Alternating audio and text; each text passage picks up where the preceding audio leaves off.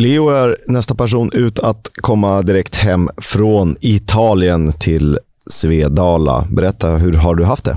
Eh, nej men eh, vi har haft det bra. Ungarna drog ju i och för sig på sig ögoninflammationer och sådär. Det, det, var, ju- det var ju lite sådär. Men annars har vi haft det väldigt bra. Men framför allt, Kisk, så har jag ju varit på The Championships motsvarighet i Italien. Jag har ju varit och kollat på Serie B-fotboll. Och fina, fina Ascoli.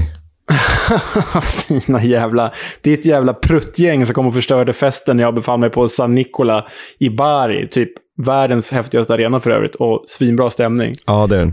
Vad, vad ska man kalla den? Är det något så här Gaudi-monument för arena-arkitektur, eller? Ja, den är, ja, den är så häftig och hiskligt bra tryck. Men det är det jag tänkte komma till. Eh, även om vi ska ta ditt jävla filmande pruttgäng Ascoli, som dessutom är superrassar. Men det, det får vara till en annan, annan, det får vara till en annan andra divisionspodd. Men det jag tog med mig från, från det här Serie B-mötet, eh, om man liksom jämför det med det vi håller på med här, Championship, är att stämningen var ju eh, föga oväntat bättre än det man säkert hittar på många platser i The Championship. Eh, det var ju liksom enorm jäkla kurva och bra tryck och ett jävla ös hela matchen trots att de låg under och förlorade. Och liksom mycket banderoller och flaggor och sånger och sjukt bra. Men kvaliteten, Kisk. Kvaliteten. Alltså, Bari var ändå inför matchen serieledare. Visserligen nykomling underifrån, men ändå delad serieledare. Och de hade blivit överkörda av typ Birmingham med 5-0. Alltså det var så dålig fotboll. Det var så jävla usel fotboll. Alltså, de här två lagen, Barry och Askel, hade typ inte klarat sig i allsvenskan. Så riktigt usel fotboll var det. De kunde inte ta emot en passning. Så när jag satt där kände jag verkligen att så här, oj, det är skillnad på andra division och andra division. Sen vet jag ju förstås att det är skillnad på ekonomi i de här klubbarna. Det är klart att liksom Watford har hur mycket mer pengar som helst än vad Bari har. Men det slog mig ändå att det var liksom mil emellan Serie B och The Championship i fotbollskvalitet. Ja. Ehm, och det är ju, har ju med, väl med ekonomi att göra och Championship är ju topp 8-9 ligor i, i, i Europa i alla fall. Eller i världen blir det väl också då. Ja, men, nej, men den är ju det. Och man, man blir nästan lite bortskämd. För man, det är ju sällan man ser dålig fotboll när man sitter och kollar på, på The Championship. Men det här Serie B, som var då tabelltvåan delade serieledaren mot vad låg Askolin inför matchen, 9-10. Och det var så uselt. Det var som att jag hade satt mig och kollat på GIF Sundsvall mot Jönköping Södra. Alla får ursäkta. Men eh, snart kommer ju ett världsmästerskap och då får man ju se världens bästa fotboll då, eh, på landslagsnivå. Och Det kan man ju titta på lite var man vill. Men eh, en sportbar är ju att föredra för att eh, delad glädje är ju såklart dubbel glädje. Ja, men det är ju det. Vi gör ju återigen eh, vårt avsnitt tillsammans med O'Learys. Ni vet sportbarerna som finns eh, lite här och varstans i Sverige. finns på många platser och de har ju ganska roligt utbud också. Beroende på vilken restaurang man tar sig till så kan man göra andra aktiviteter knutna till både sportbaren och till själva fotbollstittandet och till maten i fråga. Det går ju att bowla på vissa ställen eller hålla på med femkamp eller vad man nu vill göra. Man får kolla upp vilken restaurang som ligger närmast och vad de har att erbjuda. Men fotbollen har ju rätt i Kisk. Det som är så härligt med VM rent kvalitetsmässigt, det är ju att man får... Eh, ja, man lär ju känna, det är inte bara att man ser de bästa landslagen som du är inne på. Man lär ju känna andra landslag. Jag tänker på i, i sommar får vi bland annat se Ecuador och kanske framförallt Kanada. I sommar? Jag är helt snedställd. I vinter får man se Ecuador och framförallt Kanada. Så det är ju sånt jag ser fram emot rent sportsligt med, med eh, fotbolls-VM. Eh, dra lite tidigt från jobbet, sätt, äta en bit mat och så tittar man på några nå härliga fighter. Det är ju alltid sådana här Ecuador-Polen-möten man, man minns egentligen, för det är gruppspelet som är prime. Så är det. Sen en annan väldigt rolig sak, förutom att O'Learys är med, tack för det, eh, är ju att vi, man kan nominera oss till Guldpodden i år igen. Då går man in på guldpodden.se, jag tror att det är snedstreck nominera. Och så kan man ju välja, vi kan in, kvalar inte längre in som nykomling, eh, där vi var och nosa förra året. Däremot vill man så får man gärna nominera oss till årets podd och årets sportpodd. Ja, och eh, eh gör gärna det, även om ni inte tycker så, höll jag på att säga. Nej, men gör gärna det om ni tycker så här, för eh, det är sånt här som gör att vi överlever. Alla eh, plattformar och platser vi syns på gör att vi kan fortsätta ett tag till. Så gillar ni det vi gör, så eh, nominera oss gärna, för det hjälper oss att fortsätta med det här.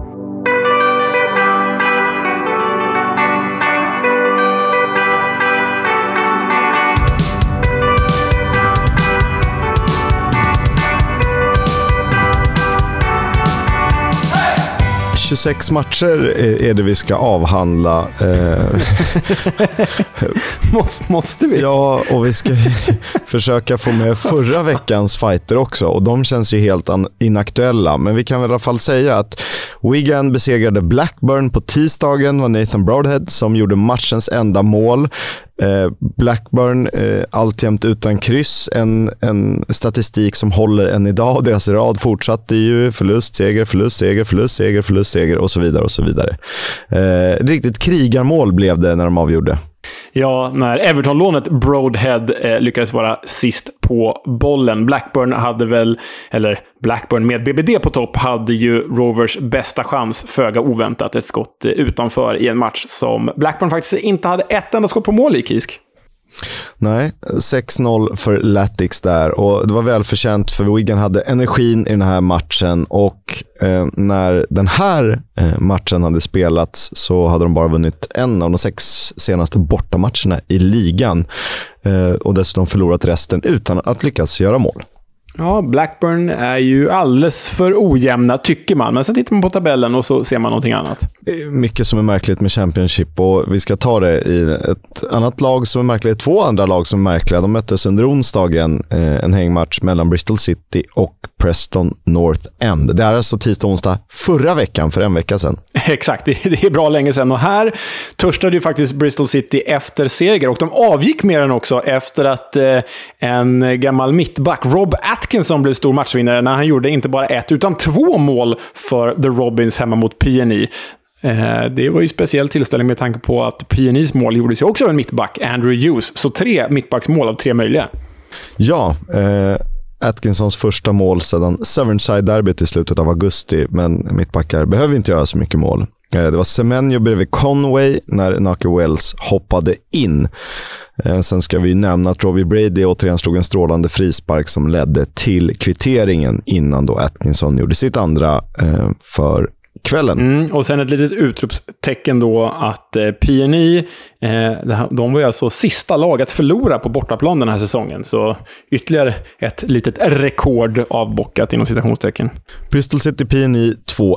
Vi går vidare till helgmatcherna och till och med de börjar kännas inaktuella, men ni ska få dem eh, så som vi upplevde dem. Och Det började ju på lördagen med Luton QPR. Om man vill krysta så kan man få det till ett Greater London Derby. Vi kan väl göra det för stämningen stämningens skull. Det är klart vi gör det. Vad, vad vore världen och framförallt den här podden utan Greater London Derbys? Ge mig alla Crystal Palace mot Watford ni kan hitta på. Det är de man, vill, det är de man lever för. Ja, nej men eh, Luton gick ju definitivt starkare ur det här mötet. 3-1 och eh, visst har Elijah Adebayo hittat formen nu, Kisk, för han gjorde mål igen, blott 18, 18 minuter in i den här tillställningen och framspelad av sin numera radarpartner Carlton Morris. Och det ser ju ut som ja, men ett av seriens kanske mest spännande och kanske till och med bästa anfallspar. Eh, verkligen, eh, för nu är båda i toppform vad det verkar. Eh, vi ska återkomma till en av dem eh, när vi pratar om veckomatcherna. Det här var Lutons eh, sjätte raka utan förlust som också bröt QPRs förlustfria svit om fem matcher. Och jag hänger väl upp mig på försvarsslarv i en match som till skott på mål-statistiken och bollinnehavet dominerades av gästande Hoops. Mm, och eh, Hoops har ju verkligen varit i bra form, men då finns det ju den här, det är den här enorma styrkan om man vänder på det Hatters igen. Att Hatters behöver inte ha så mycket förutsättningar, vare sig ekonomiskt, truppmässigt eller på plan. Men de, they grind, they do the grind. De bara maler ner motståndet nu när de hittar formen. Så är ytterst imponerande av Luton att faktiskt vinna den här bataljen. Då var det eh, Chris Willocks saknades för gästerna, eh, där båda lagen hade varsin ramträff. Eh, det som sticker ut är Lutons anfallsduo och deras försvarsstabilitet. En match som jag såg delar av hemma i soffan var Rotherham Huddersfield och det slutade med hemmaseger för nykomlingen, 2-1. Alltså det finns något väldigt glädjande i att sitta och göra den här podden med dig, Kisk. För det finns få andra människor, möjligtvis våra kära lyssnare också, men det finns få andra människor som tänker som, som jag gör, i det här fallet du då. Att ens sätta sig och slå på Rotherham Huddersfield, det, det är en hög tröskel, Kisk, men det är därför vi sitter och gör den här podden också, för vi gillar ju våra höga trösklar. Vi, vi räds dem inte, och eh, där det här blir första segern för nytillträdde managern Matt Taylor. Och Rotherhams första hemmaseger mot Huddersfield på 30 år. Ja, och då har de ändå mötts ganska mycket. Det, det, det där kan ju vara sån där låtsasstatistik att de inte har spelat i samma div division, men de har ju gjort det ganska mycket faktiskt. Så det är ju ändå siffror som eh, imponerar, eller i alla fall imponerade innan Huddersfield förlorade nu då. Eh, den stundtals ifrågasatte Anfallaren Washington stod ju för ett elegant avslut till 1-0. Mycket mer elegant än vad han egentligen är. Eh, så läste jag på något forum efter matchen. Efter förstås Dan Barlazers femte målgivande framspelning för säsongen och där har ju Rotherham en nyckel för att klara kontraktet. Nyckeln för Huddersfield är väl på många sätt Sorba Thomas. Han vill inte vara sämre. Han spelade fram till sitt sjätte mål när han hittade Danny Ward på hörna. Och Det är väl kanske, kanske inte ska kallas variant, eh, för allt som inte är ett inlägg som någon nickar in blir ju automatiskt en variant. Men om vi säger fin rörelse i boxen då av Ward och det känns som de har tränat på den. Ja, det är alltså för er som inte har sett det så slår ju Sorba Thomas då en låg hörna och absolut inte kort, utan det är liksom en bredsidepassning rätt in i straffområdet där Danny Ward möter upp och, och drar dit den. Så det kändes verkligen som en fin... Jag skulle nog kalla det variant, Chris. Jag, jag, jag ger dig den om du vill, om du vill använda den. Då gör jag det. Eh, Victor Johansson fortsätter ju att imponera i Millersmålet och vi fick en fråga, ska han vara med i landslaget? Självklart ska han vara med i landslaget. En av tre. Mm, ja, det har vi sagt ett tag nu och det uppmärksammades ju av, vad heter han, kommentatorn på... på Gurra? Via, via, Gurra, ja. Via Play, som är så bra på att imitera fotbollsprofiler. Han lyfter det nu också häromdagen, att Victor Johansson borde vara en av de tre i landslaget. Och det är klart att han ska vara det. Tror du Gurra hade på sig bayern hatten Klart han hade. Han antagligen. Hade han antagligen. Ja, det blev ju en managerseger i alla fall. Eh, det här för Rotherham, då den inbytte George Kelly avgjorde matchen blott tre minuter efter att han hoppade in. Så ja, viktiga bytet, viktigt byte där för Rotherham och Matt Taylor. Som i alla matcher diskuteras det om det borde ha varit straff för Huddersfield. Kanske, kanske inte. Ehm, men segern gick till Rotherham. Vi ska inte grotta ner oss i det.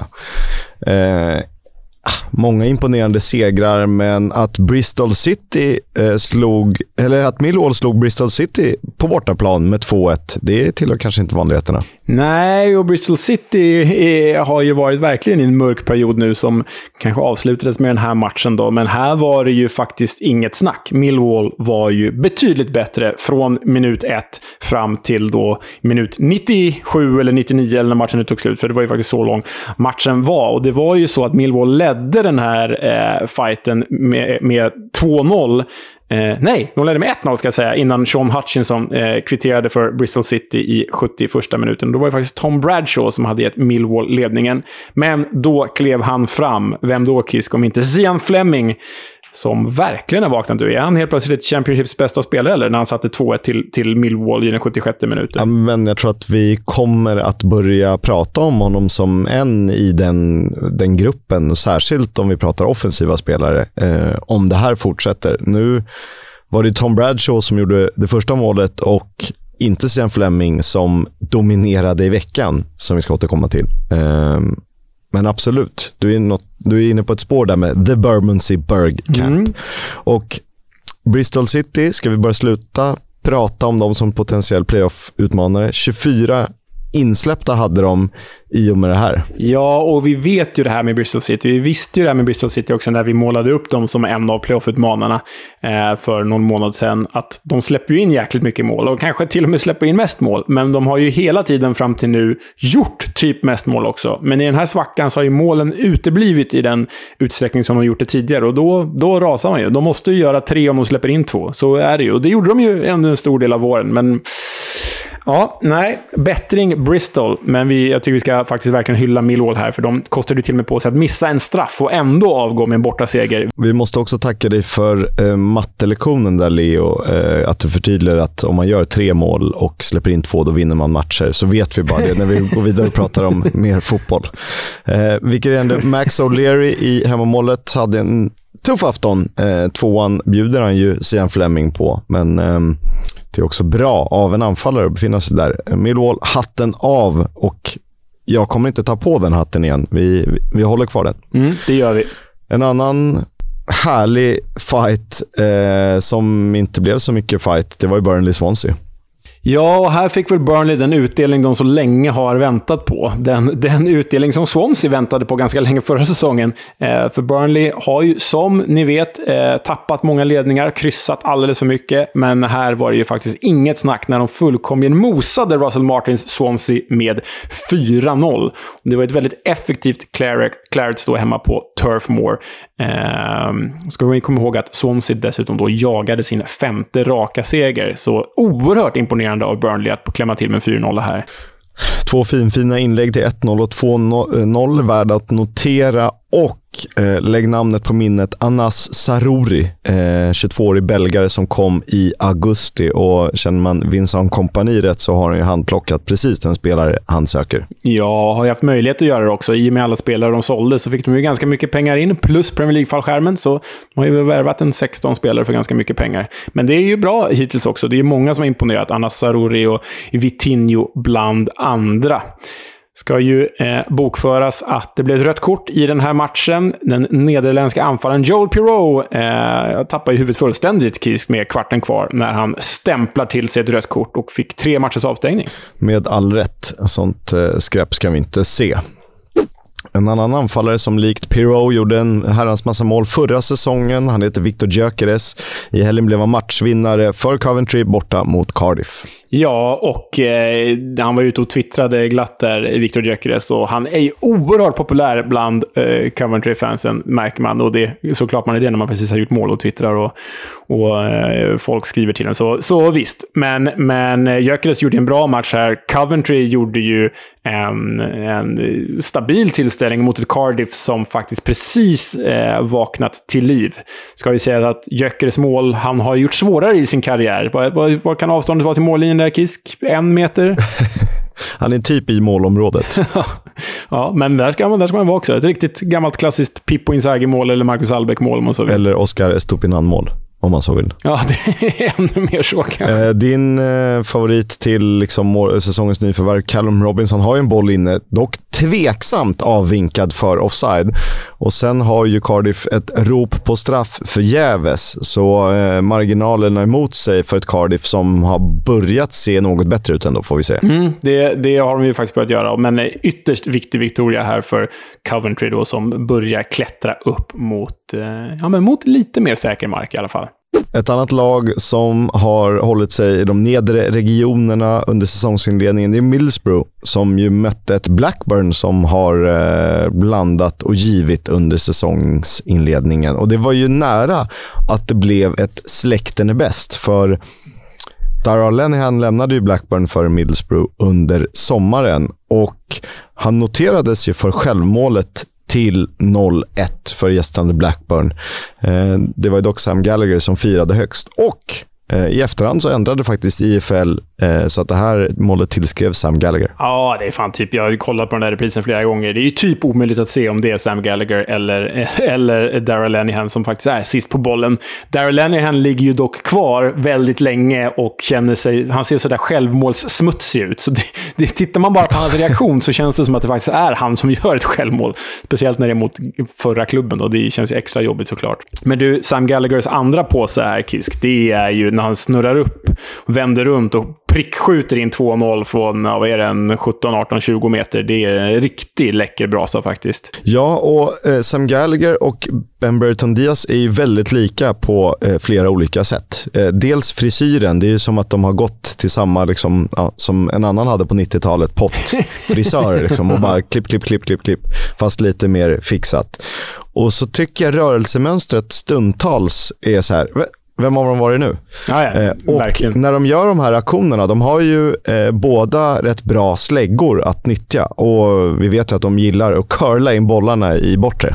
Nej, men de är, de är lika på väldigt många sätt. Jag skulle förstå om en domare någon gång tar fel på den ena och ger den andra gult kort, likt hela VM 94-palavret när Sande Olise fick gult kort, eh, eh, exempelvis. Men, men eh, de är ju... Det här har inte börjat bra.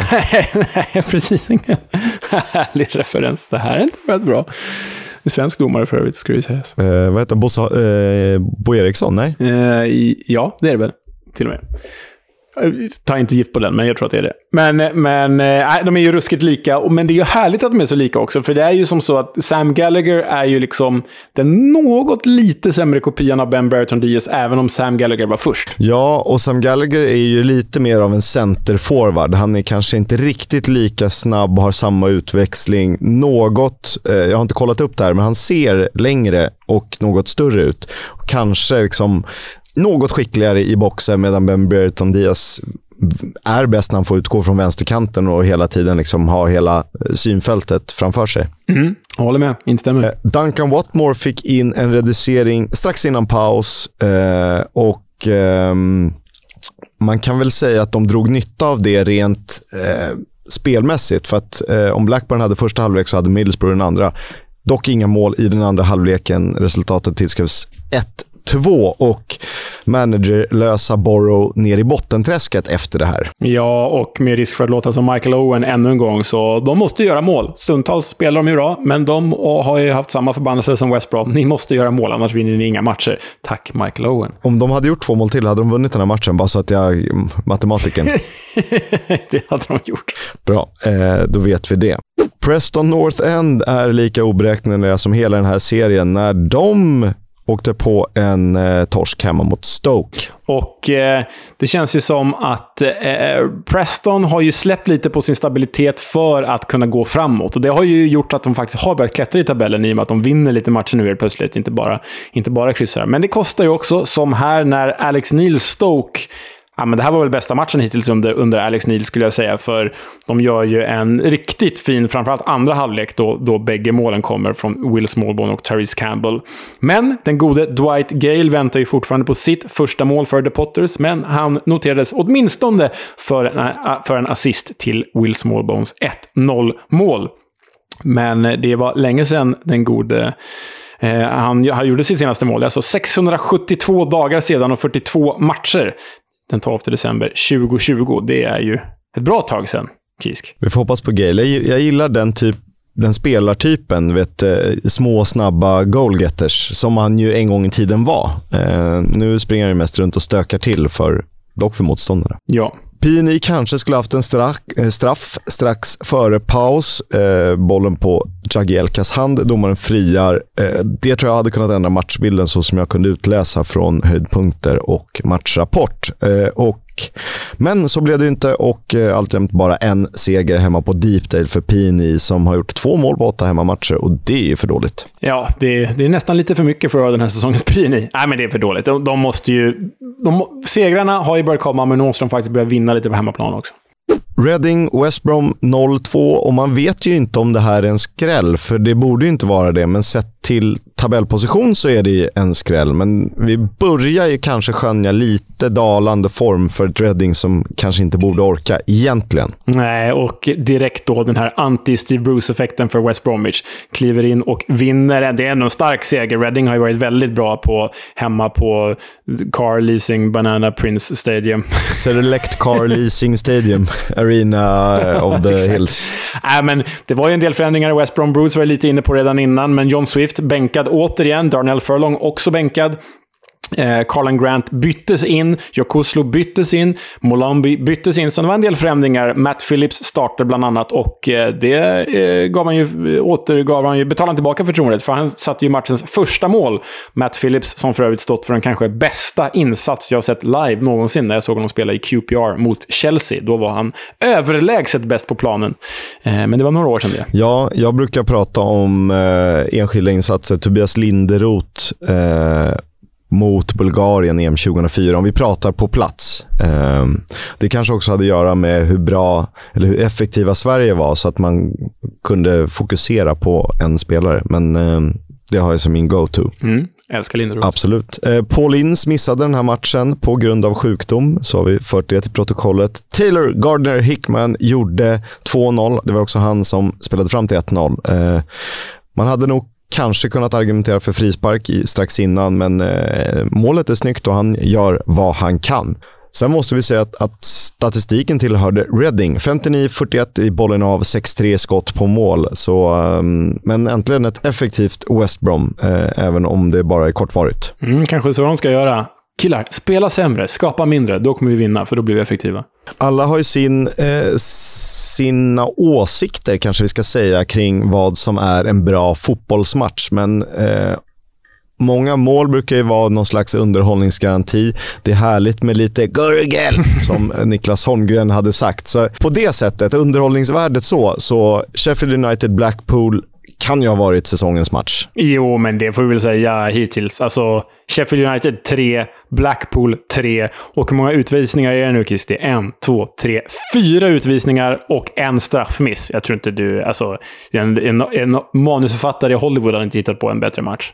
Nej, det är som ett riktigt welcome to Wrexham. Eh, dessutom fem gula för Blades, så att eh, det, det small så att säga. Aha, ja, det gjorde det ju verkligen. Och då var det ju faktiskt ett Sheffield United som började ju klart, klart bäst genom James McAtee och Ilman Ndiaye. Det stod ju alltså 2-0 redan 23 minuter in i matchen. Men då klev ju den fortsatt felplacerade Jerry Yates in i handlingen och eh, reducerade och kvitterade innan Blackpool faktiskt vände på det här. Det gjorde de. Kenny Dougal eh, gjorde 3-2 i början av den andra halvleken och sen gick det ut för eh, Marvin Ekpiteta i 78 får han sitt andra gula och Dom Thompson i 81 får sitt andra gula.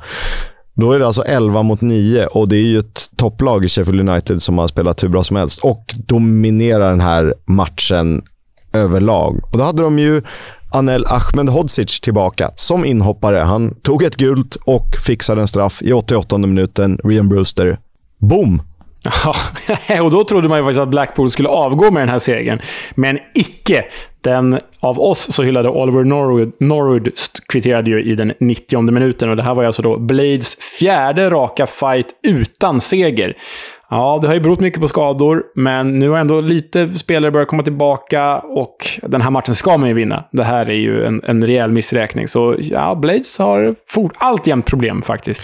Oliver Norwood är ju, så här, om man skulle ta ut en best of the best 11 Championship sen ja, 10-15 år tillbaka är han ju och nosar på en plats där. Verkligen. Så bra, så bra är han ju. Också eh, 100 första minuten, alltså eh, tilläggsminut 11, så hamnade West Foderingham och Shane Lavery i luven på varandra och det resulterade i varsin, varsin eh, hamburgerskiva.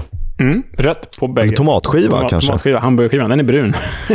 ja, men jag tänkte hamburgerkött. Ah, Kommer ihåg det? Som det konstigt som man käkade på 90-talet när ah, man ja. inte skulle äta skinka eller kalkon. Då var det hamburgerkött. Ja. Vinrött. Sex mål, en straffmiss, fyra röda, fem gula. Eh, säsongens match. Grattis ni som såg den här. Nykomlingsderby, eh, nykomlingsmöte om inte annat. Sunderland, Wigan. Eh, det blir 2-1. Ja, och... Eh man får väl säga att eh, egna produkten Elliot Embleton var ju kanske matchens utropstecken här och har ju haft en fin säsongsöppning för han satte ju kvitteringen i den 54 minuten. Detta efter att Charlie Wyke, med förflutet i Sandland och som med tidigare hjärtproblem som vi varit inne på, hade gett gästande Wiggen ledningen. Eh, och sen har du skrivit en sak här som jag hoppar över tror jag, Kisk, för det är så, det är så Tottenham-smutsigt, så den får du ta själv. Tottenham kommer aldrig att kunna vara smutsiga. Tre av fyra Sunderland-poäng i den här matchen gjordes alltså av Tottenham-produkter.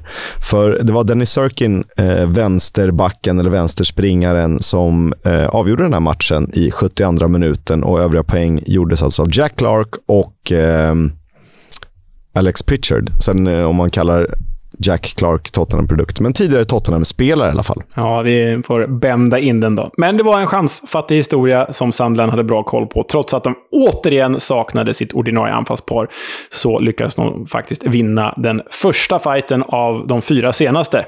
Viktigt för Black Cats. Det var hyfsat chansfattigt och Sunderland hade rätt bra kontroll på den här matchen. Eh, Charlie Wikes, det var hans andra mål efter eh, hjärtstoppet förra året. Eh, väldigt roligt såklart. Så stora är vi ju. Till 2-1 fight när eh, det förmodade toppmötet mellan Watford och Norwich spelades på eh, sent på lördagskvällen. Så att, eh, ja, han ser Rotherham Huddersfield typ nästan hela, gick på middag, kom hem, såg nästan hela Watford Norwich. Supertrevlig kväll. Ja, men perfekt.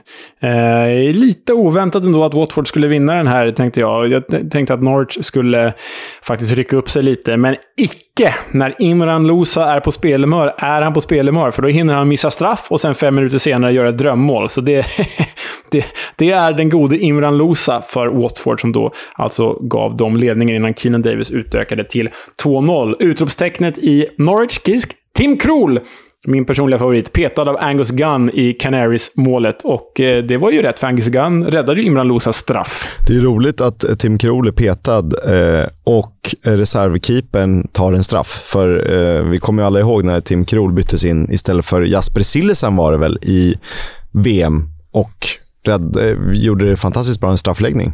VM 14, ja. Precis. Mm. Exakt. Eh, Ismail Assar framspelare till det första målet och han låg också bakom nummer två, alltså 2-0, som Keenan Davis till slut enkelt kunde sätta. Eh, Canaries-försvaret ta fatt. Och det är, de har ju otroligt fina spelare framåt och alltjämt eh, en härva av eh, bedagade liksom, spelare för typ League One eller allsvenskan bakåt. Lite hårt, men visst, de har ju... Alltså, jag menar, Norwich har ju ändå... Eller var du inne på Watford nu kanske? Nu var jag inne på uh, Watford, förlåt. Ja, det ska Watford. förtydligas. Ja. Nej, men det är lite obalanserat i Norwich också, om än, om än inte lika obalanserat. Eh, men deras mål gjordes ju förstås av den delade skytteligaledaren och jänkaren Josh Sargent. Det gillar vi ju. Det gör vi, men det, det känns ju lite som att Norwich har ju Teddy Lucic-karaktärer eh, i så fall i försvaret, som så här, ja, men Grant Hanley, som kan, skulle göra det bra några matcher eh, på lån för att lösa en mittbackskris i typ Leicester. Medan Watford har så då, dåliga spelare. Dåliga försvarare. Grant Hanley är lika dålig som Huddersfield, men lika bra som Sheffield United. Ja, ja, ja. Och så här, skulle han få kontraktet eh, tillfälligt, någon dispens, så skulle han ju lösa det i, på alla nivåer, känns det som. Ja, absolut. Eh, 2-1 var ju rättvist sett till chanserna. 9-2 i skott på mål. Eh, sen hade gästen en boll i ribban och en boll inne, dock offside. Andra raka förlusten, tredje utan seger för Norwich. Och bara en seger på fem. Eh, det börjar ju dallra lite där. Mm, börjar snackas om Dean Smiths framtid igen på tränarbänken. Vi får se. Fler sparkade tränare i Championship. Det har varit för få senaste veckan. det behövs. Eh, söndagens enda tillställning spelades i eh, Kingston upon Hull mellan Hull och Birmingham. Tigers mot Blues. Och det var gästerna som eh, tog de tre poängen.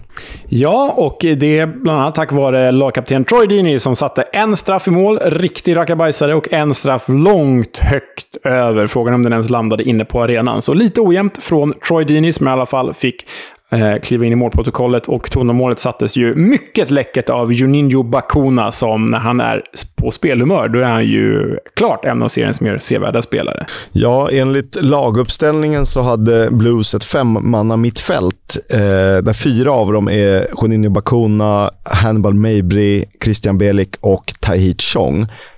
Det på pappret, och särskilt i den här matchen, lite wow ändå. Jag gillar det. Det är bra. Ja, men det är, det är bra. Alltså, Christian Bielik har vi varit inne på tidigare. Om det, om det inte vore för skadorna så spelar han ju i ett, ja, men, typ i ett Wolverhampton eller ett Everton i Premier League. Så bra är han ju. Och Tai Chong vet vi ju hade en stor framtid för sig innan skadorna tog över och kan ju fortfarande bli bra. Så nej, det här är ett jätteläckert mittfält, absolut. Och bättre än vad Birmingham borde och tros vara, om vi säger så. Lite, lite för ja, bra för Birmingham. Exakt. De, de, de sticker ju ut eh, när övriga spelare är lite så här halvmesyrer. Och det skulle kunna vara på något sätt tycker jag på senaste tiden att Birmingham har seglat upp. Inte playoff-utmanare, men när vi snarare tittat på dem som ett bottenlag inför säsongen. Att det här är ett mittenlag, kanske övre mitten om, om Scottie Hogan och Troy Deeney och Lukas Jutkiewicz gör lite mål Ja, Kanske. Kan de blicka uppåt? Ja, men har, nu har de ju hittat någon slags... Nu har de ju liksom trampat, klivit av plankan och faktiskt hittat någon slags form här. Eh, sen får vi se, det går ju fort i den här serien. Jag tror nog fortfarande att Birmingham är ett lag för den undre halvan, men att det finns potential i det här mittfältet, absolut. Att det finns en defensiv stabilitet, absolut. Att det finns en överpresterande målvakt i John Ruddy. Absolut. Att det finns mål i de där tre gamla tjuroxarna längst fram. Ja, kanske. Så visst, mitten kan jag sträcka mig till att de skulle kunna komma. Okej, då får vi mötas halvvägs. Eh, Hall har bollinnehav, men de skapar inte tillräckligt många farliga chanser och det är väl så vi har sett dem den senaste tiden efter en fin start. Ehm, det var helgomgången. Vi börjar inte prata tabellpositioner än. Vi tycker jag vi kommer till och vi går vidare till tisdagen där Huddersfield mötte Preston North End och när PNI spelar borta, ja, men då går det mycket bättre och eh, då kom ju faktiskt Freddie Woodmans tionde nolla för säsongen. Ja, det är ju faktiskt sinnessjuka siffror. Eh, där till var det ju Greg Cunningham som gjorde matchens enda mål. Det kom första på hörna. Eh, och du har skrivit in vänsterspringaren Alvaro Fernandes här. Han är pigg för gästerna. Jag har tänkt på honom också faktiskt. Och det är ju faktiskt Alvaro Fernandes till vänster som har flyttat in Robbie Brady från vänster till mitten. Nu satt ju Robbie Brady på bänken den här matchen, han vilades. Men eh, det har ju, det är ju väldigt, man är ju väldigt bra ute till vänster om man lyckas ompositionera Robbie Brady som kanske är den bästa ute till vänster i hela serien. bästa vänsterfoten om inte annat. Så äh, utropstecken för Alvaro Fernandez i PNI. Ja, jag kollade på Terriers highlights i den här. De pressar alltså in två avslut som går typ 10 meter över i, sina höjdpunkt, i sitt höjdpunktsklipp. Så det säger väl ganska mycket om det här. Och PNI är väl i och med den här segern bäst på bortaplan. De har ju fyra segrar, tre oavgjorda. Ja, och jag, tänk, jag tänkte vänta med den här eh, spaningen till efter, eh, efter alla matcher, men jag tar det nu när vi ändå pratar Huddersfield. Serien i år, vi får se om du hänger med på det här Chris, serien i år är ju så jämn så det går ju inte att säga någonting säkert mer än typ det här. Och det här ger jag dig. Burn man kan inte säga någonting nu om sluttabellen mer än att Burnley, Sheffield United och Norwich troligen kommer vara bland topp 6 och att Huddersfield kommer vara ett bottenlag. Däremellan vet du fan ingenting vad som kommer hända. Är du med på det? Eh, jag är med på det, för om Coventry vinner sina två hängmatcher så är de liksom typ ett mittenlag. Ja, och West Brom och Middlesbrough kommer lyfta. Hull borde lyfta. Eh, ja, och vilka ska hamna där nere då? Är det Blackpool? Jag vet inte. Är det Cardiff? Nej, det tror jag inte. Det kan vara Wigan. Ja, alltså. Reading har ju plockat 22 poäng och det är väl hälften av vad eh, Derby klarade sig kvar med 2000 21. Rätt, jag ja. räknar rätt då, va? Jag tror det var 44 som var gränsen då. Eh, och De har spelat 15 av 46 eh, matcher. Så de har ju krattat manegen. Sen tror jag Rod Rotherham kanske inte kommer orka hela säsongen. Nej, men blir de ett bottenlag? Nej, det vet jag fan. Alltså, det, det känns väldigt ovisst här, för det är så satans jäkla jämnt just nu. Det är alltså vadå, fyra poäng från ettan till åttan. Fem poäng från ettan till tian. Liksom. Sex poäng från ettan till tolvan. Ja, och så fortsätter det. är så sjukt jämnt det här. Ja, det enda som är, liksom, om, vi, om vi tar lite kort tabellsurr, är ju att typ West Brom och Middlesbrough börjar halka efter så pass mycket att det ska fasen bli tufft för dem att börja nosa på playoff. Utan att så här, ytterligare en säsong i mittenskiktet, ja inte Middlesbrough, men Ja, nej, absolut. Men det är jäkligt... Jag vet inte vad som är svårast. Att försöka nu spå vilka som kommer topp 6 eller vilka som åker ur. Jag tycker nästan åker ur är svårast. För det, det känns... Alltså, Huddersfield, även om de är ganska dåliga, så känns de ändå som att de skulle kunna vara tillräckligt bra under nya tränaren för att till slut hålla sig kvar. Men vilka åker ur då?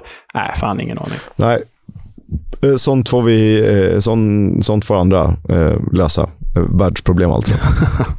Eh, PNI tog alltså en ny bortaseger imponerande. Ett annat lag som tog en imponerande bortaseger till Luton. Eh, de många på. Deras sjunde ut, raka utan förlust. Eh, nu besegrade de ju Norwich med 1-0 och Norwich har ju bara en seger på de sex senaste och tre raka uddamålsförluster. Mm, och här fick de ju dessutom Kenny McLean utvisad i den 66 minuten. Bara fyra minuter efter att Carlton Morris återigen gjort mål. Och en rolig detalj där, det är ju att Carlton Morris, denna styvbröstade anfallsbrunkare, är ju fostrad i Norwich. Eh, fostrad hos Kanariefåglarna alltså. Han är ett bra mål. Han vrider och vänder bort sin försvarare och firade dessutom inte heller, så det är fint gjort av honom. Ja, och det är ju, han har gjort typ en seriematch för Norwich, men det handlar ju mycket om att han hade en tuff period, bland annat med skador och och eh, har stor respekt för Norwich, vilket även Luton-klubben i sociala medier tryckte hårt på. Så fint att det finns lite eh, vänskapsband på så sätt i alla fall. Gabriel Sara eh, träffade stolpens utsida innan den hörnan som får McLean utvisad eftersom misstänkt arm i ansiktet på Tom Lockyer. Mm. Och eh, ännu tyngre för Norwich är då att eh, skyttekungen Josh Sargent tvingades utgå i paus på grund av skada. Återstår att se hur länge han blir borta där. Och trots 65% bollinnehav hade The Canaries bara ett enda skott på mål. Det är för dåligt. Innan onsdagens matcher så var ju Luton ny fyra. De passerade till och med Norwich med det här. De har ju smugit med lite där. Det tycker vi är fantastiskt roligt. Det gillar vi. Ett lag som är på nedåtgående är ju Reading och trots 1-0 och 2-0 borta mot Swansea så blev det noll poäng för The Royals. Ja, men jag kollade höjdpunkterna på den här matchen och Swansea är ju alltså goda för 2-3-0 innan Jakob Maite sätter 1-0 för gästande Reading. Så den här matchen var ju en Swansea-föreställning utan broms eller handbroms eller säkerhetsbältet. De bara körde trots att Pirou var avstängd och de hade 74% bollinnehav, 8-0 i hörnor, skott på mål bara 5-4. Men fasiken så mycket bättre än att vara i den här fighten, Kisk. Det var de. Eh, tredje raka hemmasegern blev det för Swansea. Välförtjänt sådan. Femte segern på de sex senaste totalt. Eh, medan Reading åkte på sin tredje raka förlust och det säger väl rätt mycket. Annars var den stora snackisen i den här matchen de icke-fungerande strålkastarna under matchens inledande 60 sekunder. Fint ska det vara i Championship. Ja, ja eh, man vill ju eh, passa på och nämna då också att, eh, att eh, eh, jag måste ju passa på när jag får chansen att eh, peka ut Joe Lumley, för han gör ju faktiskt två superräddningar för Reading innan, eh, innan de själva tar ledningen vid ställningen 0-0. Och sen förstås är det ju Joe Fummeltassen Lumley som ja, tycker jag i alla fall, tabbar sig på det avgörande 3-2 målet. Den borde han faktiskt ha när Jay Fulton avgör den här tillställningen. Ja, fint med eh, seger för Swansea och du börjar ju få rätt. De är uppe och nosar på playoff. Det här var ju en eh, veckoomgång i Championships tech eh, Championship-tecken för egen del eh, när eh, jag såg Blackburn mot Sunderland. Den slutade 2-0. Men jag håller inte riktigt med om resultatet i Derby della Mowbray. Derby della Mowbray. Nej, jag vet. Eh, jag såg, ju mer, jag såg ju bara en del av den här. Du såg ju eh, mer. Och det, när jag såg så stod det 2-0 och då tyckte jag ändå att Blackburn hade helt okej okay koll på den här matchen. Så du får ju berätta att, eh, det du tycker kring Sunderland. Jag tycker att matchen och spelet tillhör Sunderland. Eh, förvisso Rovers, robust försvarsspel och effektiva i omställningen och det kommer man långt på. Men tycker nog ändå att Sunderland kan få straff eh, typ minut 30-31. Eh, nu blir det inte så och istället vänder spelet och eh, Ben Burton Diaz klipper till med ett drömmål. En väl avvägd vänsterdoja i bortre krysset. Ja, ganska likt eh, Sam Gallagher från, från omgången innan. Exakt. Eh, dessutom ska det tilläggas att Scott Wharton, denna härliga Blackburn Rovers talang kanske till och med är offside när han sätter 2-0. Eh, döms inte så, men skulle kunna ha varit. Eh, och du är ju inne på det att Sunderland hade den här matchen. De har ju faktiskt 61% bollinnehav. Det säger ju någonting om någonting i alla fall. Ja, sen kanske inte så många jättefarliga chanser, men eh, ändå tillräckligt för att få något. Sen gillar jag ju Sunderlands om vi kallar det kreativa fyra i brist på Ross Stewart och Ellie Sims. Alex Pritchard, Jack Clark, Patrick Roberts. Jättefin säsongsinledning för honom. Och Elliot Embleton eh, med stöd på mittfältet. Det är otro otrolig energi när de spelar. Ja, det är kul med, för den gamla Fulham-produkten Patrick Roberts att han äntligen får spela lite bra. Han har ju faktiskt misslyckats i klubb efter klubb. Från att han lämnade Fulham till att han nu faktiskt har lyckats i Sunderland. Så det är kul att han får sätta lite avtryck. Och eh, efter den här matchen på tisdagen låg ju Blackburn faktiskt tillfälligt etta i tabellen, trots sju förluster. Att då jämföra med jumbon Coventrys fem förluster. Och det är faktiskt bara två lag, Hull och Huddersfield, som har förlorat fler matcher än vad Blackburn har. Ändå kan man vara ett topplag. Det, det, det är så trepoängssystemet fungerar, Kisk. Ja, och det är väl så. Eh, fortfarande ingen kryss för Blackburn Rovers. Eh, det kommer ju förr eller senare, frågan är bara när. Och Det här var ju första gången sedan augusti de vann två matcher i rad. Ja, och det börjar de göra det, då kommer de ju segla iväg fort här i toppen, får man väl anta.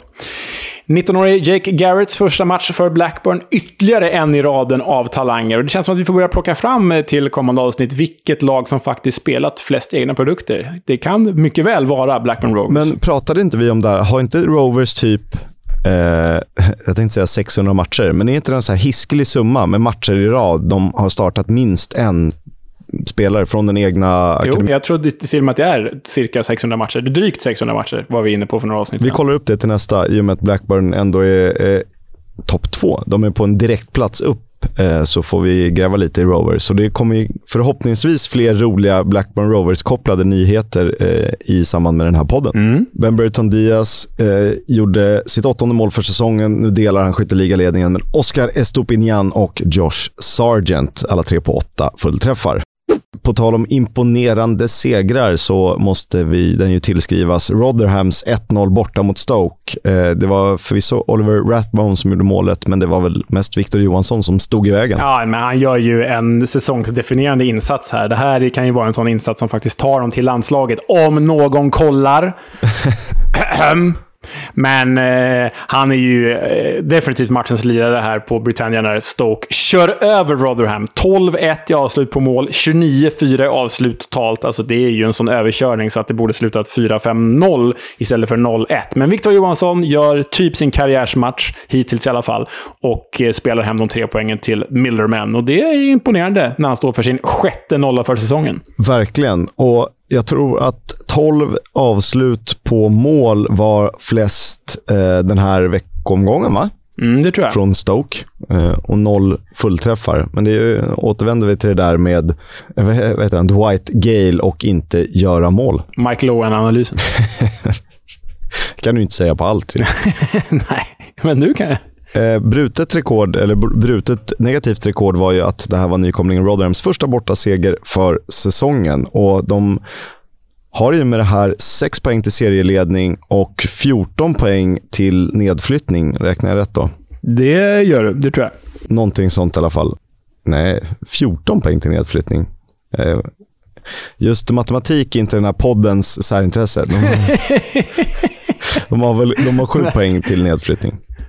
Ja, men det är nästan 14. Det ingår i, i sjuans multiplikationstabell i alla fall. Ja, det är, jag tänkte säga eh, roten ur, men någonting sånt är det va. Och fin, fin start trots tränarbyte såklart. Ja. Och om vi kommer till matchen som, eller resultatet som kännetecknar Championship i allmänhet och säsongen 2022-2023 i synnerhet bäst, så är det väl att West Brom möter Bristol City och det blir 0-2. Ja, för West Brom hade ju vunnit. De var ju igång här. De hade ju fått anti-Steve Bruce-effekt. De skulle ju bara börja klättra nu och Bristol City som såg helt hopplösa ut. De skulle absolut inte kunna ta poäng här på The Hawthorns, men det gjorde de. Eh, West Brom dominerade ju dock spelet, hade 14 avslut. Dock inget på mål och det är ju skamligt uselt. Återigen eh, ska dock sägas att Asante har en nick i stolpen och Townsend prickar ribban. Men vad gör det när Joe Williams och Naki Wells gör målen för gästande Robins? Och det är deras enda två avslut på mål. Eh, svagt försvarsspel West Brom. Vi kanske har övervärderat det. Och sen Semenyo till Wells och 2-0. Och det brukar ju heta så. Och jag måste säga, efter att ha sett Semenyo de senaste matcherna här, när det gått dåligt för, för The Robins, så Semenyo borde vara given. Wyman satt på bänken den här matchen, så jag startade på bänken. Men Semenyo borde vara en av de tre. Och jag tycker att Wyman ska vara den andra av de tre. Så då är det dags att välja om det ska vara Wells, Conway eller Martin där bredvid. Men Semenyo och Wyman tycker jag är de två bästa av alla de där. Ja, och sen alltså Naki Wells sju mål hittills. Eh, stort utropstecken. Verkligen. Det spelades matcher på onsdagen också och eh, de fortsätter att vara svårbesegrade, nykomlingen Burnley. Men det blev inga tre poäng när de gästade St. Andrews och Birmingham. Återigen en tappad ledning för Burnley. Återigen 1-1. Detta efter den starka Victoria mot Swansea då senast. Eh, de tog ju faktiskt ledningen sent i matchen. Johan Gudmundsson, islänningen, hoppade in och satte 1-0 riktigt läckert i den 74 minuten. Då tänkte man väl att oh, nu lossnar det väl för Burnley igen. Nu vinner de andra raka. Icke. 1-1 efter att Scotty Hogan dammat in sitt sjätte mål för säsongen. Han gör ju också en jättefin säsong och det är precis där han är som bäst. Han får löpa in och liksom styra in bollarna.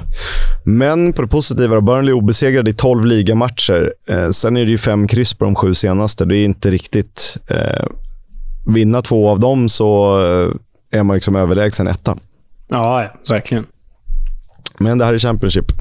Men det här är... Ja, jo, det är ju det. Det här var faktiskt eh, Blues Birminghams första insläppta mål på St. Andrews sedan i augusti. Eh, det är ju oerhört imponerande. Det ska ju dock tilläggas att eh, eh, han som spräckte den här nollan, Johan Gudmundsson, det här var hans första mål sedan i februari 2021. Han har ju varit skadad och nyttjat en del bänk under den tiden. Blues obesegrade i tre raka eh, med målskillnaden 6-1 och de har ju bara en förlust på de åtta senaste. Eh, varav eh, de har tagit poäng mot West Brom, PNI, Blades, Burnley. Eh, och det är inte dåligt. Nej, det är, inte, det är jäkligt imponerande faktiskt. Speciellt med tanke på hur vi såg att Birmingham inför säsongen. Framförallt jag som väl tippar dem som nästjumbo, tror jag. Burnley var ju dock laget med flest chanser, bland annat prickade Jay Rodriguez stolpen, men 1-1 som sagt. Eh, ett annat lag man aldrig blir riktigt klok på, det är Hull. Eh, för de gästade Blackpool som eh, kommer med en, liksom en fin skalp i och med poäng borta mot Sheffield United. Dock inte skadeskjutet, men avstängningsskjutet här. 1-3 slutade det. Tung kväll för The Seasiders. Ja, väldigt tung kväll. Du, som du sa, de saknade ju alltså Ekpiteta, Dominic Thompson och Shane Lavery.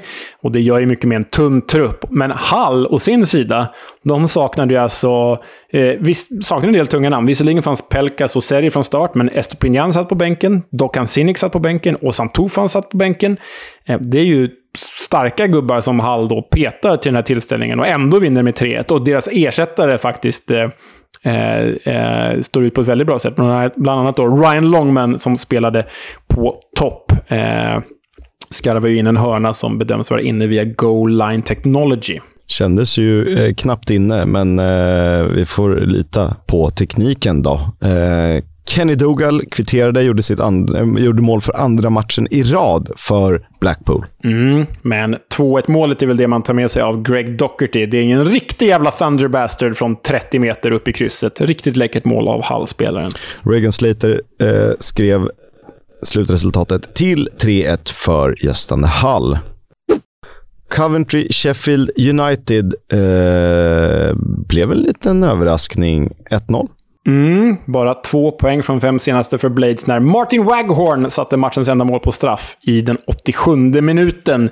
Imponerande av Coventry som återigen klättrar lite poängmässigt och eh, svagt av Sheffield United trots att Anel Ahmedhodzic fanns med från start den här gången. De saknar då dock rätt många. Va? Fodringham, Jebison, Sander Berge, Lowe, Clark, Stevens och O'Connell. Så att eh, deras skadelista fortsätter att vara väldigt, väldigt lång. Ja, den är ju det. Victor Gyökeres, den andra svensken i matchen, spelade ju hela alla 90 minuter för Coventry. Fick dock inte ta straffen som sagt när Waghorn avgjorde. Dock en match som Blades dominerade och borde ha vunnit. 7-18 i avslut exempelvis. Men det är ju så, om man inte gör mål vinner man inga matcher, som Leo brukar säga. ja, tack.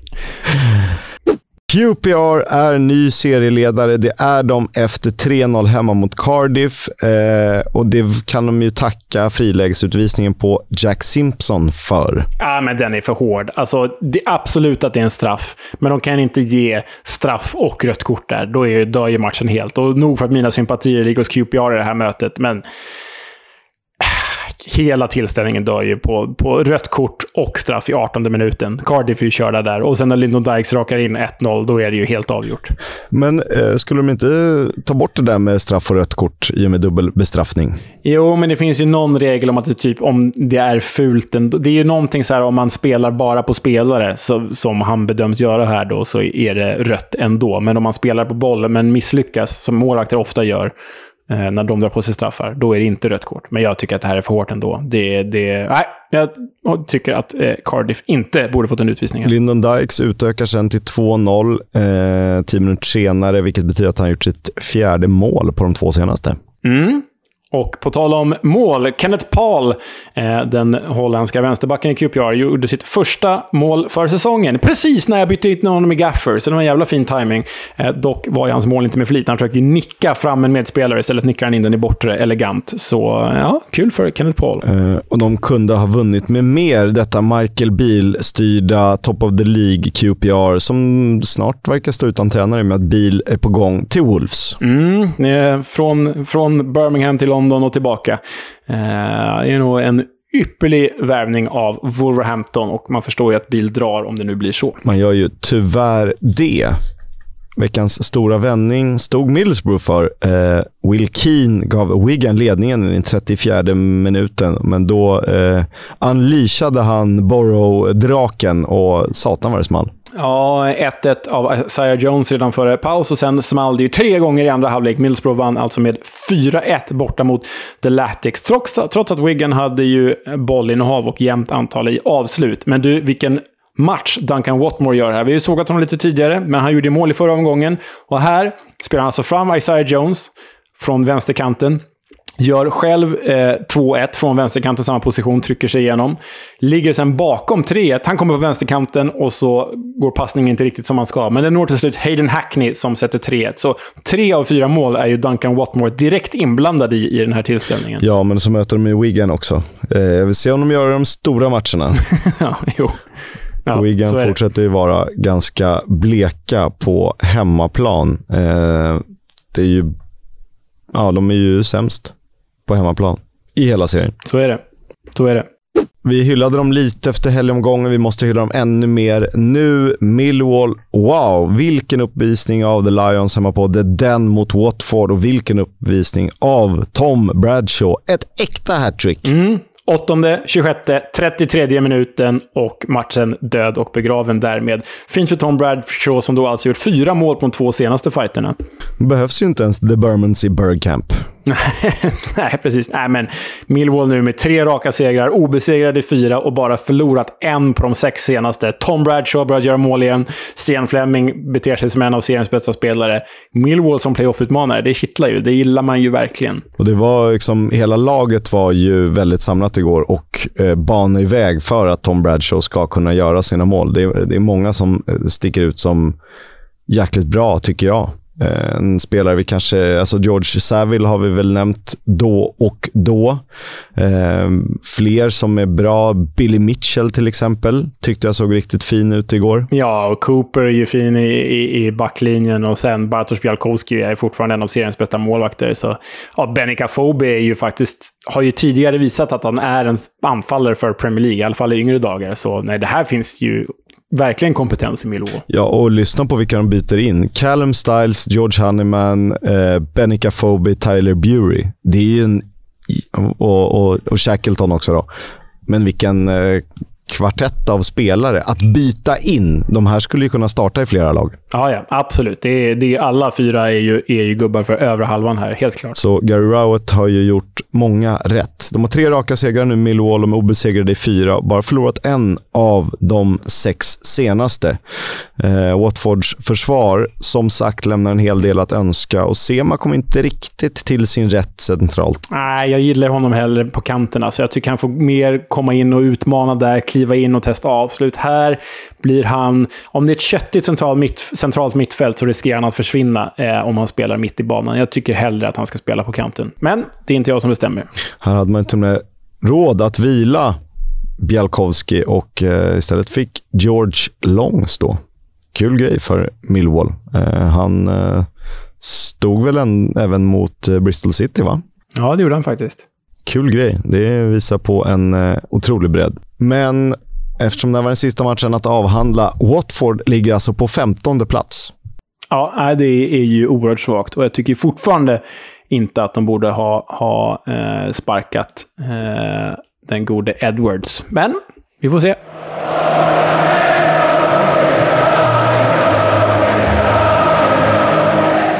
Fotbolls Coming Home sponsras av Stryktipset, ett spel från Svenska Spel, Sport och Casino. För dig över 18 år. Stödlinjen.se. Jag landar i eh, den härliga match 6 på kupongen. Vi pratade precis om hur bra Millwall är och nu möter de ju ett West Brom som ingen vet riktigt vad deras botten är. De är just nu på nedflyttningsplats. Och inget lag i Championship är bättre på hemmaplan än Millwall. Och Det är just tack vare spelet på Dead End som man nog till slut kanske kan vara med och slåss om playoff-platserna den här säsongen. Nu ställs man mot West Bromwich Albion utan Steve Bruce, tack och lov. Men det ser ju inte riktigt ut att stämma ändå, trots en på pappret väldigt stark trupp. Eh, den här matchen vill man ju spika. Jag väljer 1-2 eh, och frågar Leo, vad ser du fram emot? Nej, men, eh, dels vill jag bara påminna om att det är hängmatcher på tisdag sen i Coventry, Rotherham och Burnley, Norwich. Men framförallt så lyfter jag ut de två derbyna i helgen. Lancashire-derbyt, Blackpool mot PNI, de värsta rivalerna. Och där kan det ju sluta helt mållöst eller sluta 3-3. Det beror på vilket lag som får bestämma och hålla i taktpinnen. Eh, och sen har vi då Swansea mot Cardiff. Cardiff FF på söndagen. Och det är ju det riktiga Wales-derbyt. Och då frågar jag dig, Kisk. Jag tror att vi båda är överens om att vi är Swansea i Swansea Cardiff, eller hur? Ja. Men vem är du i Blackpool PNI? Blackpool. Ja, jag också. Fan, vi är för lika. Ja, ja. Ja, men det är, är ju alltså eh, strandstad, Tower, Seasiders Tangerines, eh, deras ruggiga bortatröjor. Det kan inte vara något annat. Ja, nej, jag är, jag är också Blackpool. Helt klart. Charlie Adam. Exakt. Sen är det hängmatcher på tisdag också, va? Coventry, Rotherham, Burnley, Norwich. Som sagt.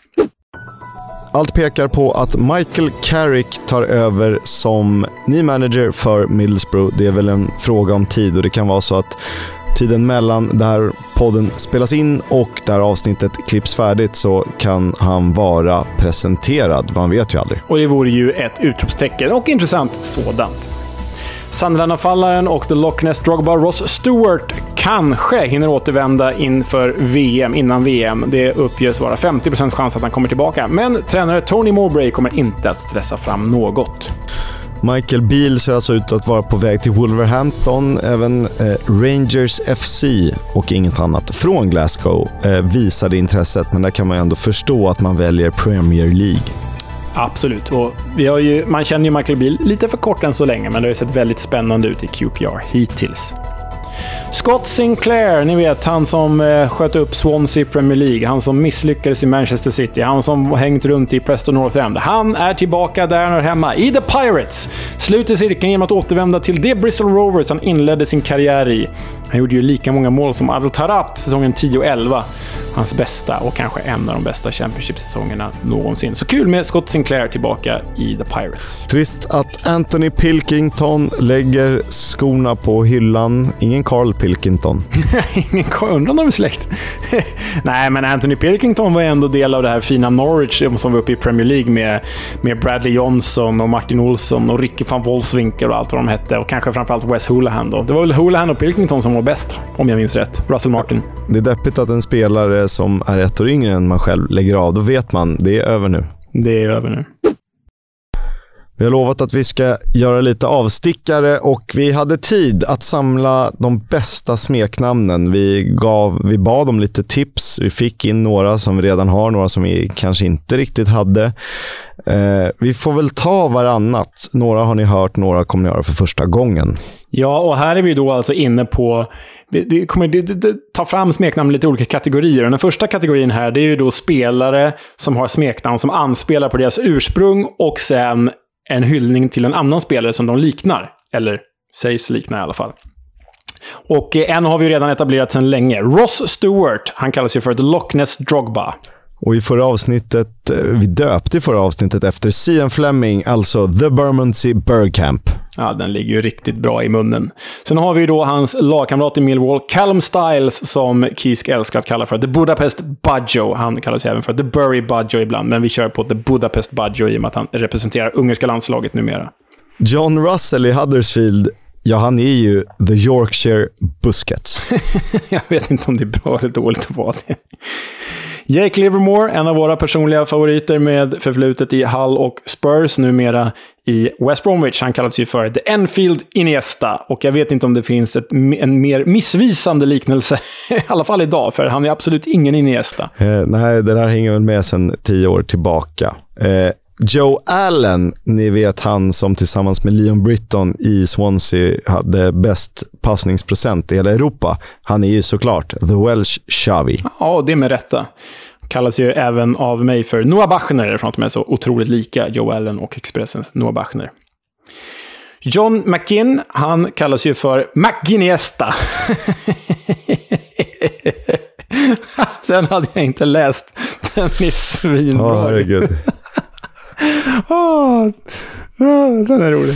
Det kommer då. Eh, min goda vän Mattias Byman, lagkamrat också. Eh, hunden även kallad. Han älskar ju Ruben Loftus-Cheek mer än jag älskar Michael Dawson, vilket är eh, helt sjukt i och med att han har en fru och två barn och ett jobb att sköta om. Men han har bidragit med Loftus-Cheeks smeknamn The Lewisham Ballack. Ja, men fan. Det är, gör ju Kevin glad. Ja, ja. Alla, alla måste gilla Ballack ju. Alla måste gilla Loftus-Cheek. Den är bra. Gamla skotske högerbacken med förlutet i Spurs och Aston Villa. Alan Hutton. Och, och, och eh, Mallorca. Och Mallorca, just det. Den har man glömt. en förlutet Mallorca också. Alan Hutton, han kallas ju för The Scottish Cafu.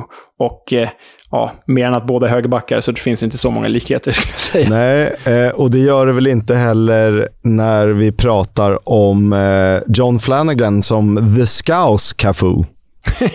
Fy fan, det är bara ett hån mot Cafu att nämna att John Flanagan nämns i samma andetag. Ja, herregud. Sen har vi då en klassiker, Ray Parler. Eh, vi ska ju säga att vi har ju bara fokuserat på smeknamn inom den engelska fotbollen här.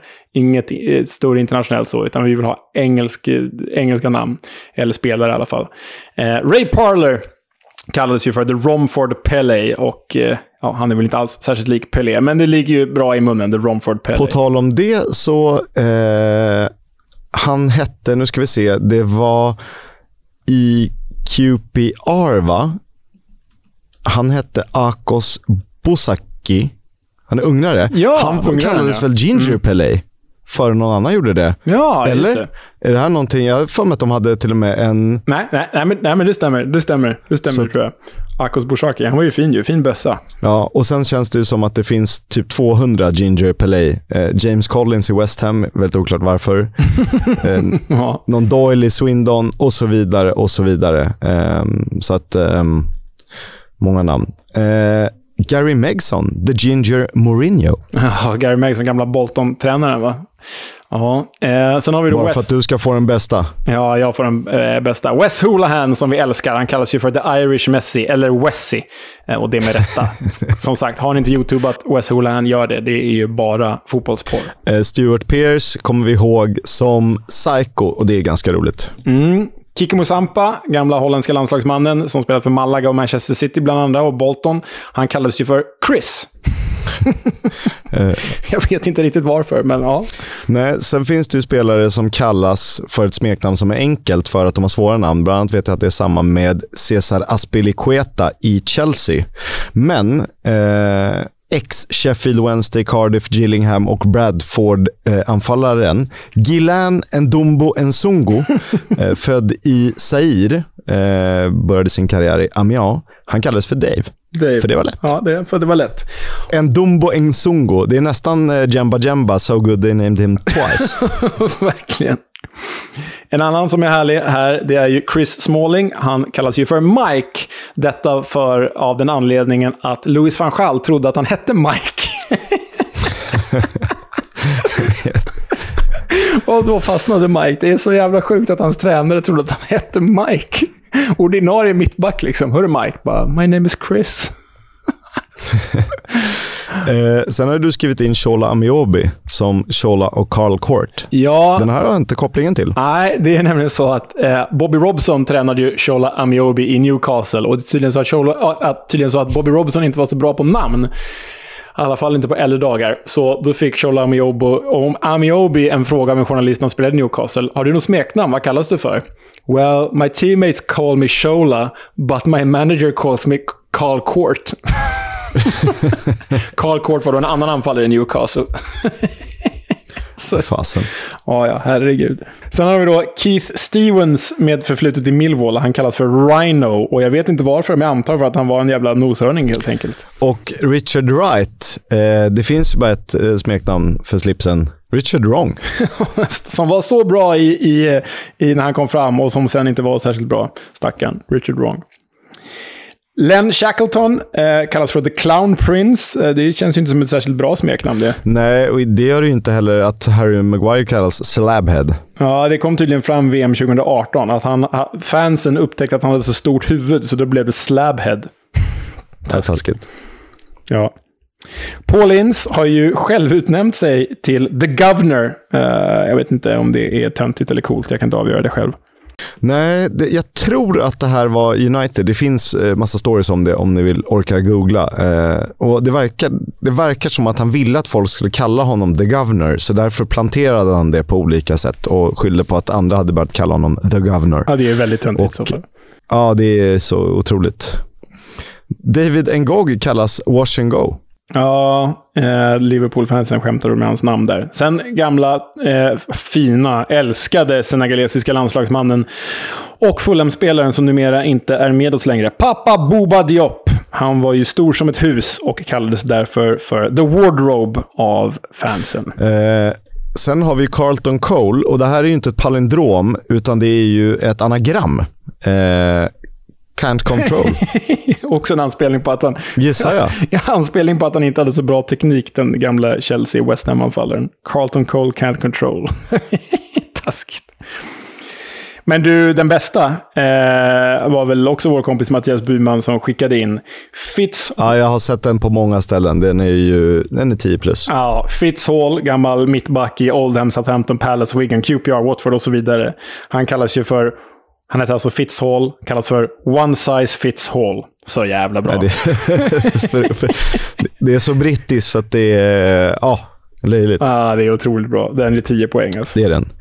Eh, sen är ju, derbyn har ju olika namn och är ofta döpta efter motorvägar. Vi har väl ett E4-derby när Djurgården eller AIK möter Södertälje i, ja, numera Hockeyallsvenskan. Eh, och det finns ju M23 Derby och så vidare i all oändlighet och sen South Wales. Men så finns det ju några som har fått egna namn. Eh, och du har ju Rosderbyt mellan United och Leeds. Men jag tycker inte den kvalar in bland topp tre. En den är ju fruktansvärt dålig, vilket gör den ganska bra. El Lan Clasico. Nej, den är bara dålig alltså. Den är riktigt svag. Sen har du skrivit in Belfast-derbyt. El Belfastico, eller Belclassico. El Belfastico har någonting. Jag tycker ju Bel Clasico har någonting. Eh, det är väl Glentoran mot Linfield, va? Ja, precis. Eh, Old Farm. Den är, den är ju bra på riktigt. Ja, den är bra på riktigt. Den är otroligt bra. Så har vi faktiskt tagit med ett eh, klubblagssmeknamn också. Jag tror att vi varit inne på det tidigare i podden, men det är ju Hartlepool som kallas för The Monkey Hangers. Och det av den anledningen att under kriget med Napoleon så var invånarna i Hartlepool så misstänksamma så att när en förrymd apa från hamnen sprang om runt, en förrymd schimpans sprang om runt på byn i Hartlepool så fångade invånarna in honom och hängde honom eftersom att de misstänkte att han var en fransk spion. Därför kallas Hartlepool för The Monkey Hangers. Stackars jävla apa. We'll have a chat about the fucking game. About your game, last few months, last few weeks. Fucking character. Då är vi tillbaka, favoritsegmentet. Vi delade ju klassikern på Neil Warnock via Twitter och eh, ja, det är klart det blir succé. Det är det bästa klippet någonsin. Utan eh, tvivel, särskilt med den här poddens glasögon på. Men vi har grävt i West of Scottish Football League arkivet för att hitta en riktig eh, klassiker. Och jag, eftersom det finns 79 lag i den här ligan, jag vet inte exakt hur serien är uppbyggd, jag kommer inte gräva djupare i det. Jag tror att det är ett lag som heter St. Rocks FC, men jag vet inte. Eh, deras tränare är jättearg. Inte så här Neil Warnockskt eh, behärskat, eh, får fram något att säga arg, utan det är Harry Redknapp, hårtork, eh, division 7, arg i någon ful panelvägg eh, bakom. Eh, vi kan väl börja med att lyssna. Absolut dominator! No tackle! Tell you what, han bra fucking tackle! He gets punches offline! Han, and han, och kanske sådana! Ja, ja, har man hört en argare människa? det är så jävla bra det. Jag har inte sett det här först nu. Ja, men så här arg vill man ju att ens tränare ska vara. Då vet man, då vet man att det betyder någonting. Och man vet inte om man blir eh, rädd för att göra ett misstag efter eller om man går ut och eh, kör över folk och tar två röda första tio. Ja, är det är otroligt bra. Det här älskas ju. Helt, helt klart. Mer, mer sånt. Det är ju väldigt seriös nivå också. Då. så, ja, mycket bra. Eh, bra med människor som bryr sig om sporten, för fotboll, för brödrar och allt det där. Det var allt för idag. Vi tackar Stryktipset och O'Learys som är med och gör den här podden möjlig. Vi tackar Leo för att han eh, bidrar med eh, visdom och kunskap om eh, Championship. Du, eh, tack själv Kisk. Vi hörs. Ciao! Ciao. Upptäckta vägar, de han tar.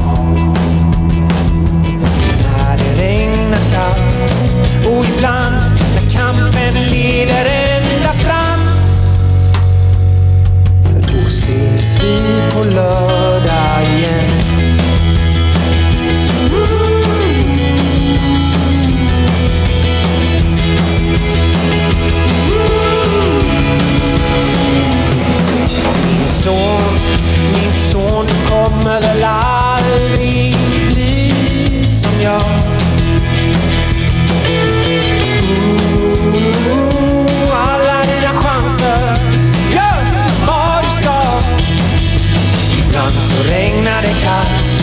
Men till slut leder